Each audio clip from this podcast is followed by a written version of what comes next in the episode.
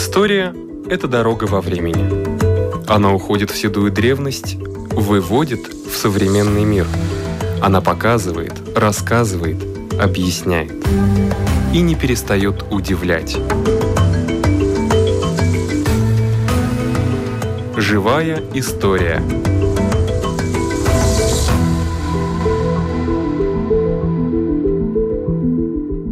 У микрофона Лидия Чера.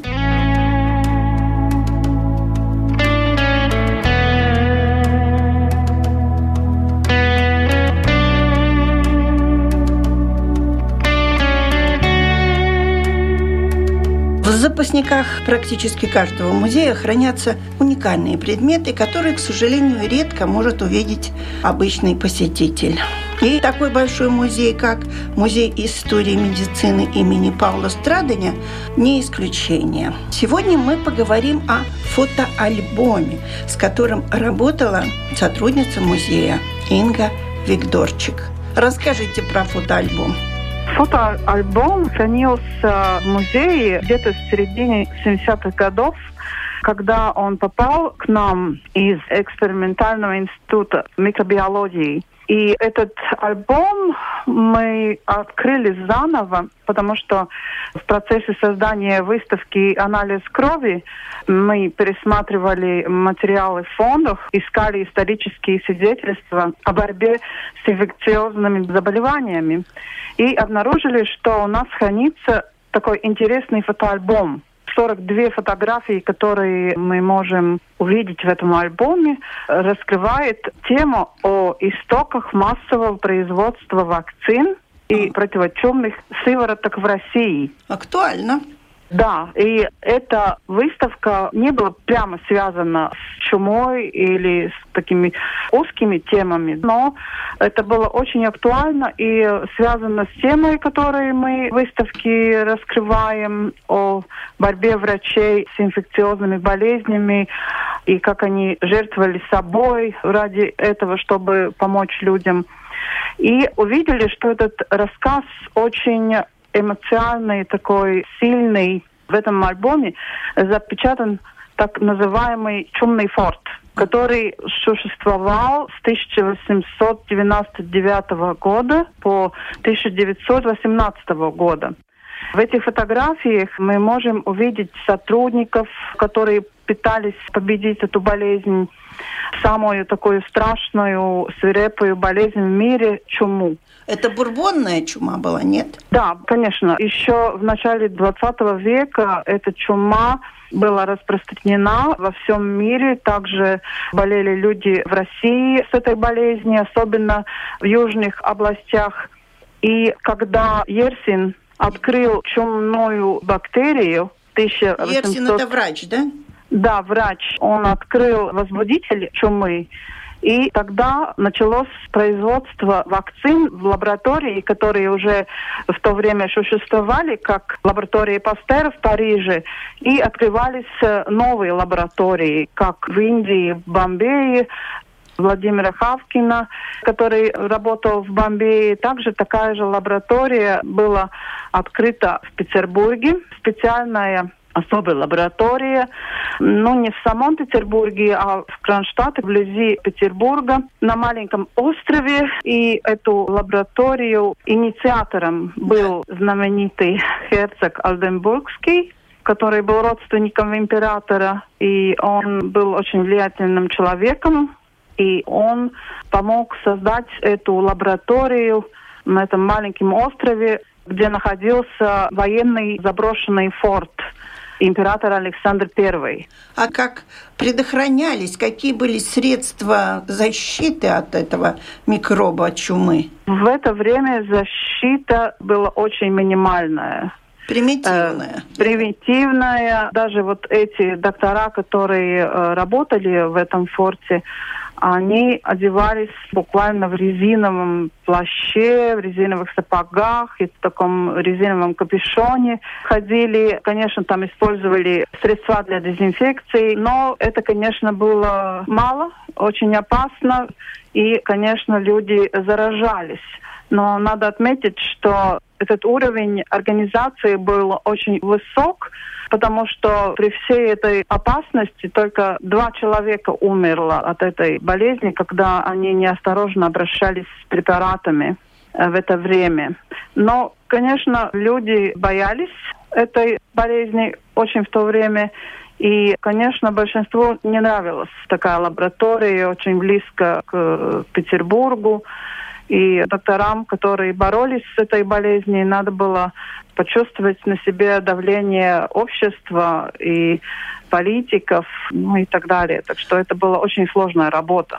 Но они жили в городе и только на работу приезжали, да, в этот чумной форт? Нет, они были как бы узники в этой лаборатории. Им не было разрешено посещать своих родственников очень редко только. И вся вот эта лаборатория была как крепость, и с внешним миром их соединяла только сначала маленький кораблик, а потом уже катерок такой, у которого было очень интересное название «Микроб». И сюда приезжали в основном только специалисты, врачи, студенты, также первые женщины-врачи. И здесь они занимались наукой и делали вот эту противочумную вакцину и противочумную сыворотку. Но ведь главное было, как еще ликвидировать опасные отходы. Это ведь тоже немаловажно. Ведь если пользоваться сухим туалетом, то все это уйдет в грунтовые воды. Да, насчет этого было очень строгие правила, и в лаборатории были две кремационные камеры, где сжигали буквально все отходы, все отброски. В форте держали очень много животных, потому что вакцину делали в время, ослабливали ее. И были нужны животные, в которых водили эти чумные бактерии, чтобы э, животное заболело, и потом использовали кровь животных, чтобы сделать эту вакцину. И, конечно, при таких обстоятельствах очень много отбросков и много трупов, и это все сжигали в этих печах кремационных. А какие звери использовались вот для опытов? Разные звери, но большинством лошади потому что mm-hmm. считалось, что лошади лучше переносят эту болезнь, и э, некоторые лошади, конечно, получали эту болезнь несколько раз если они выживали. Там держали и верблюдов, и лис, и обезьян, и крыс. Там же выращивали на месте. Также животных было очень много. А сколько врачей там было приблизительно? Ну, человек 20? Не больше. Ну, там э, этот э, персонал был очень э, маленький. Там, ну, врачи, может быть, четверо, потом были еще фельдшера и те, которые ухаживали за животными. Так что коллектив был маленький. Работы было много. Но результат был. Конечно, результат э, был, и благодаря этим животным, которые терпели эту заразную болезнь, спасали очень много людей, потому что эту вакцину потом рассылали в эти области России, как в Астрахань, Сибирь, Крым, Одессу, где были вспышки чумной этой болезни. И даже продавали в Европу, в Бразилию и другие страны. И надо отметить, что первую сыворотку лаборатории получила из Парижского института Пастера. Это тоже в каком-то мере благодаря связям герцога Алденбургского этот чумной форт прекратил свое существование с концом Первой мировой войны, как я понимаю. Да, в 1918 году он был переведен уже в Южную область России, потому что очень долго были споры про это, что такое очень опасное заведение находится рядом с Петербургом. С большим городом. Да. Да, многие были недовольны. Но, в принципе, работа над производством вакцины все равно продолжала. Да, да, потому что полностью, конечно, эту болезнь не удалось победить, но, конечно, сократить и спасти людей удалось. Мы поговорили про то, что работа врачей была очень опасная, что они терпели от удаленности, опасности. Может быть, можно еще рассказать, что опасность была э, велика и правила поведения было очень строгие. Сам форт был разделен на две части. Эта часть, которая, как называлась, э, заразная и другая так называемая незаразная. В заразной части доступ был только некоторым людям, и гости или ученые, которые приезжали, их допускали только в этой части, где была лаборатория, но их никогда не пускали в ту часть, где были зараженные животные. Это было очень строго. Работу Чумного форта описал э, журналист Илья Эйзен, который посетил форт в 1900 году и 1907. Почему такие даты? 1900 это уже начало, когда про этот форт, конечно, были такие неоднозначные слухи рассказывали, что там даже в Петербурге слышен этот крик больных животных и так далее. Чтобы успокоить, возможно, людей или рассказать, или рекламировать важность этой работы, он приехал, чтобы написать статью, которую он поместил в журнале «Ежедельник Нива». И эту статью сегодня она уже опубликованная, можно ее прочитать. И в 1907 году он второй раз появился, возможно, потому что в это время умер один из врачей, Шребер, и чтобы успокоить людей, что все там, ну, как бы... Ну, объясните, почему под контролем, произошла да. такая трагедия. Да. Ну, а теперь немножко о выставке. Как проходит выставка? Виртуально или... Виртуально, конечно. Очень жалко. Мы работали долгое время, и у нас художники работали в наших фондах музея, искали материалы, вдохновлялись этими материалами, сделали свои работы. Они уже висят на стенах нашего музея, но жалко, конечно, посетитель не может сегодня прийти к нам. Не сегодня и даже не знаем, когда. Ну, давайте сможет. ждать 6 апреля, возможно, что Ну, возможно, но музей будет э, очень осторожно смотреть, чтобы было, Все меры предосторожности, чтобы да, были... все меры, чтобы были приняты, чтобы это было безопасно. С нами была на связи по телефону сотрудница Музея истории медицины имени Паула Страдыня Инга Викторчик.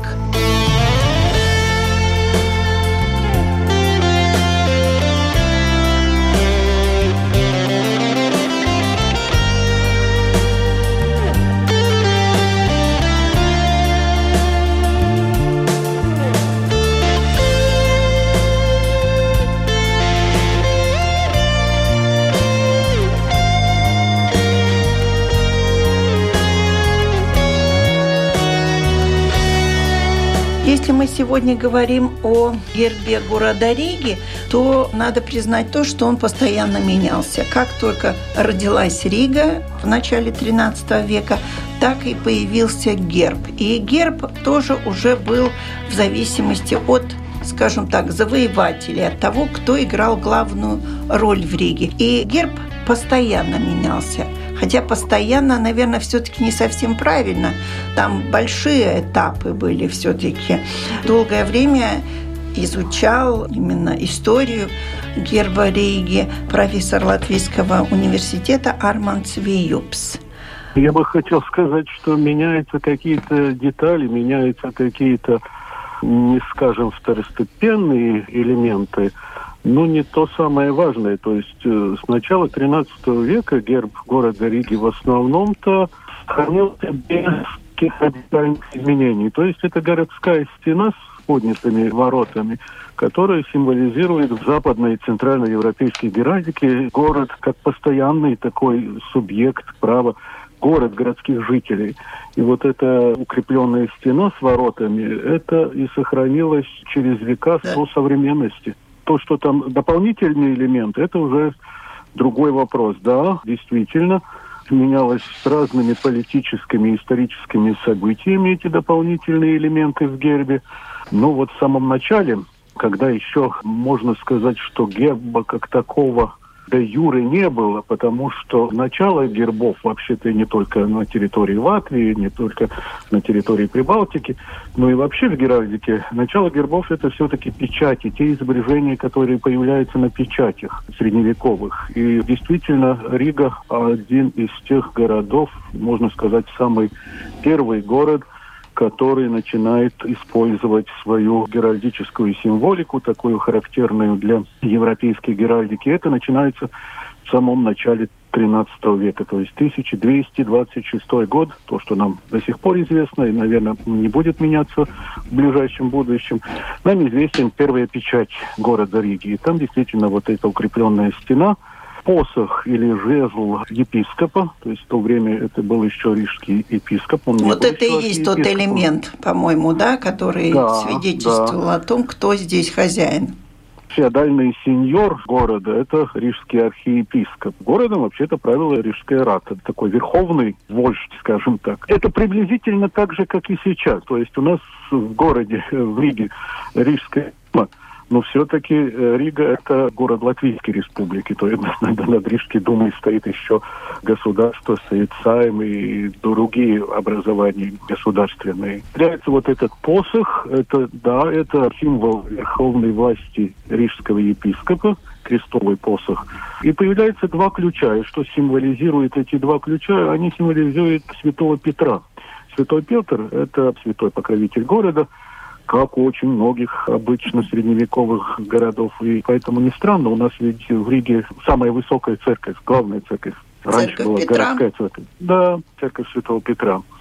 Уже в следующем столетии проходит немножко больше ста лет со всеми этими политическими, историческими изменениями. Рига воюет с Ливонским орденом.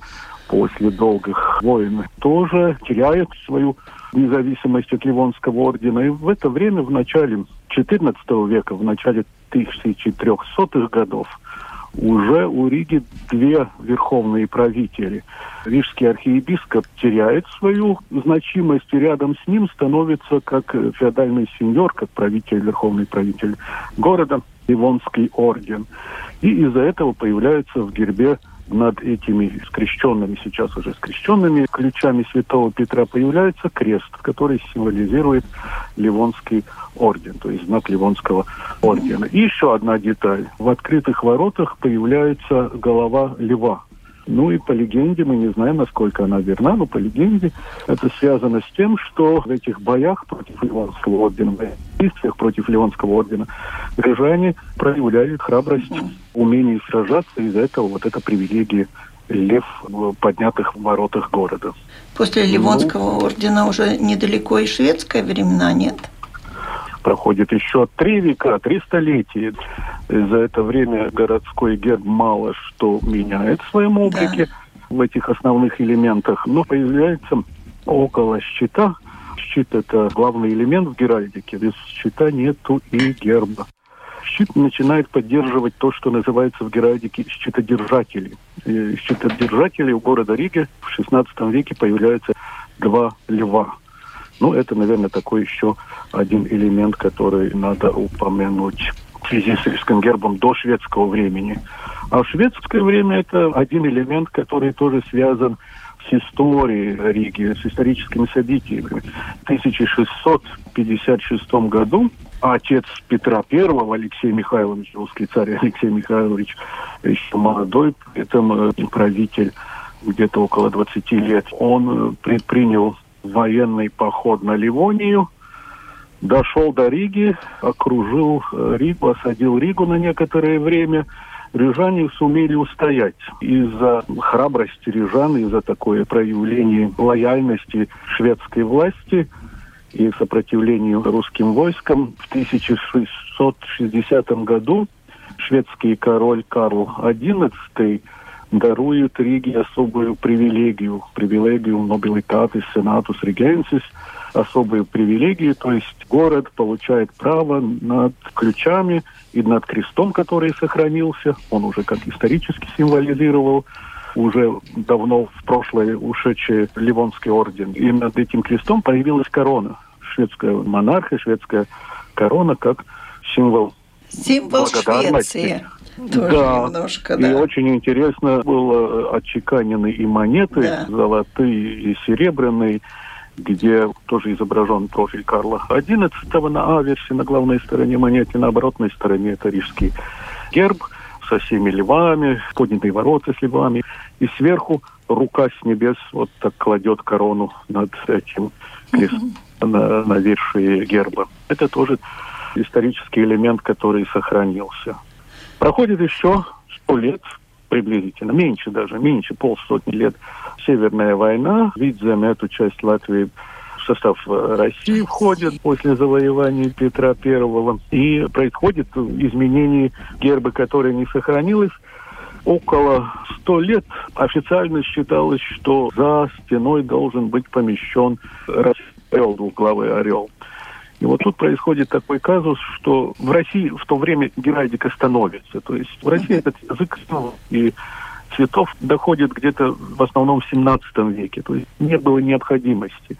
Не то, что там плохо или хорошо, это просто существует другая эмблематика, другая символика. Геральдическая символика не была необходима. Уже в конце 17 века, в начале 18 века происходит развитие российской геральдики – и может в связи с этим, что еще российская геральдика довольно молодая, в то время происходит такой казус, что двуглавый орел был предназначен, по идее, как щитодержатель. То есть на груди двуглавого орла предполагалось ставить щит с гербом города Риги. А произошло то, что его как-то расчленили пополам и поместили за воротами. Из-за этого получилось такое довольно странный, очень длинный герб такой по горизонтали. Не особенно геральдический, не особенно понятный. Но официально он существовал. А если вы посмотрите в архитектуре, в документах, там, где герб изображается в печатях, то можно видеть, что очень часто старались как-то избегать этого очень удлиненного герба и использовали только щит без этого орла. Или, как уже появлялось в конце XIX века, когда было предложено действительно сделать орла как щитодержатель, на котором стоит герб щит, и это вполне нормально в геральдической практике. Ну, еще одно изменение было тоже обосновано то, что, конечно, не шведская корона стоит над крестом, а стоит царская корона над э, крестом, хотя это не было обосновано, потому что действительно э, эта корона в гербе, она связана с определенным историческим событием, и его так менять нелогично было. Больших изменений не было, я бы сказал, очень хорошо, это характерно для второй половины 18-19 веков, что те новые земли, которые были присоединены к Российской империи, они в основном сохранили свою историческую геральдику. Это бралось внимание, не менялось ничего не то, что в советское время, в 20 веке. А в 20 веке герб города был воссоздан, ну, как рисунок был воссоздан приблизительно по этому же образу, как герб XIV века. Там были тоже очень много дискуссий. Городское самоуправление очень не хотело чтобы в гербе появилась корона. Так, в Демократической Республике корона, что это такое? Ну, местный балтийский немец Бруйнинг, историк, который в то время жил в Латвии, он сумел все-таки объяснить, что это такое историческое явление, что герб как будто записал вот эти исторические события 17 века, и поэтому в 20-х, 30-х годов тоже существовал герб такого же образа, как мы и сейчас его используем.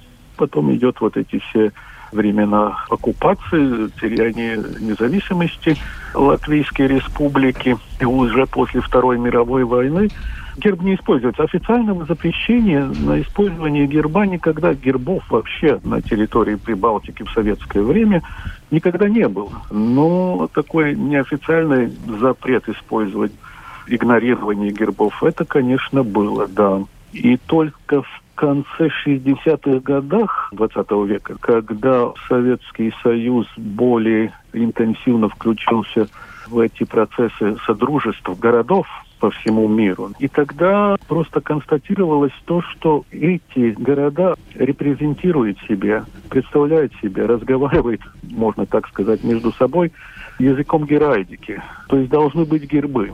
И пошел процесс восстановления гербов по всему Советскому Союзу, а особенно интенсивно в Прибалтике, в том числе и на территории Латвии. И в 1969 году была создана такая версия советского герба города Риги. Там по разным идеологическим причинам были внесены изменения, которые в геральдике вообще-то не признается. Но это понятно, потому что советская символика, советская эмблематика, она уже с самого начала, с 1917-20-х годов, начала 20-х годов, она как бы отошла от всего, что было в старом мире. И считалось, что вот старая геральдическая форма, старый геральдический язык – это язык символов и цветов классов эксплуататоров и, конечно, неприемлемо для нового строя, для новой идеологии. И был создан герб Советской России, потом Советского Союза, потом Советских республик. И эти все гербы, их нельзя буквально назвать гербами, потому что они не составлены по древним законам геральдики, геральдики, которая просуществовала до сих пор. И поэтому герб 1969 года города Риги, он был с изъянами, скажем так. То есть в основу был помещен флаг э, латвийский СССР, красный фон с волнами голубо, да, да. голубыми. Я помню еще да. такой, да. Да, да, да, да, да. И, конечно, никакого креста над ключами не было, потому mm-hmm. что крест – это символ христианства, церкви, то, что тоже неприемлемо. Но сохранились ключи. То есть знаний генетики в то время, наверное, не было особенно глубокими. И поэтому ключи, которые действительно символизуют э, религию Святого Петра как защитника города, как патрона города, они остались. Правда, с новым пояснением, что это значит, исторически это все были и остались ключи Святого Петра. И вместо креста появилась звезда, конечно. Ну и потом 1988 год, время перестройки, время отмоды когда начались дискуссии о символике, и вообще-то вся эта дискуссия о символике как раз началась с герба города Риги, то есть с почина восстановления старого исторического герба города Риги.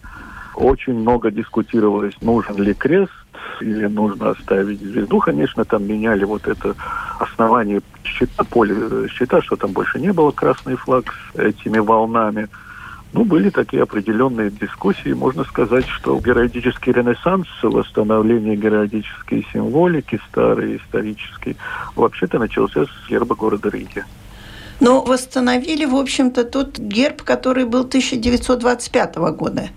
Восстановили тот рисунок герба, да. который был 1925 года. Да, угу. да. И еще убрали эту цифру 1201 год. Да, это тоже в одно время было модно вот ставить эту... Это было 1969 Как бы рождение года, Риги, да? да? да год установления официального рождения Риги. Мы до сих пор это так и празднуем, хотя мы знаем, что начало города, э, вообще-то городские права получил, наверное, немножко позже. Но это 1201 год, это такой условный год, можно сказать. Что характерно для геральдики? Геральдика, э, как я уже старался сказать, герб – это слово, написанное, или даже целый рассказ, написанный не посредством букв, слов и предложений, а это написано посредством цветов и разных символов. Да, да это символы. Это язык, да, это язык символов. В этом отношении такой неписанный закон, что нельзя, ну не то, что нельзя, просто неприлично использовать в гербе цифры, буквы, всю ту символику, которая использует письменности и другие формы визуального языка, да, то есть письменность как форма визуального э, языка. Бывают исключения, да, конечно, но в основном это так. И в гербе ничего не пишется и какие-то цифры не ставятся. Есть у нас исключение, у нас есть город Алуксна, где в гербе изображена Библия, да. Потому что... Ну, потому что, да, потому что да, там перевод, да, да. Да, да, да, И там, конечно, на этой Библии год перевода, год издания этой Библии. Есть герб города Рима, где тоже буквы. Но это, я говорю, такие исключения, которые бывают во всех законах, во всех... Во всех правилах. Во всех правилах. Скажите, пожалуйста, господин Виупс, а масонского знака нет в гербе? Что понимать под масонским знаком? Да, вот масонство как таково не, не имеет собственной знаковой системы. То есть можно сказать, что она использует те знаки, которые уже существуют, да. Существуют, существовали, существуют. И такое преднамеренное искание знаков масонства в гербах, наверное, не обосновано. Можем связать с масонством очень много разных знаков. Треугольник, циркуль, звезду Давида и разные другие элементы архитектуры. Но знак это не слово, это не буква. То есть он может быть одинаковый, но символизировать что-то другое в каждом гербе. Нету знаков масонства, во всяком случае, в городской геральдике Латвии. Есть даже гербы масонских лож, официально утвержденных здесь, в Латвии. Это другое дело. Но в городских гербах вы не найдете символики масонства. У меня такое ощущение, что я попала в студенческое время и прослушала очень интересную лекцию профессора Арманда Виюпса. А на этом наша передача заканчивается. Всего вам доброго.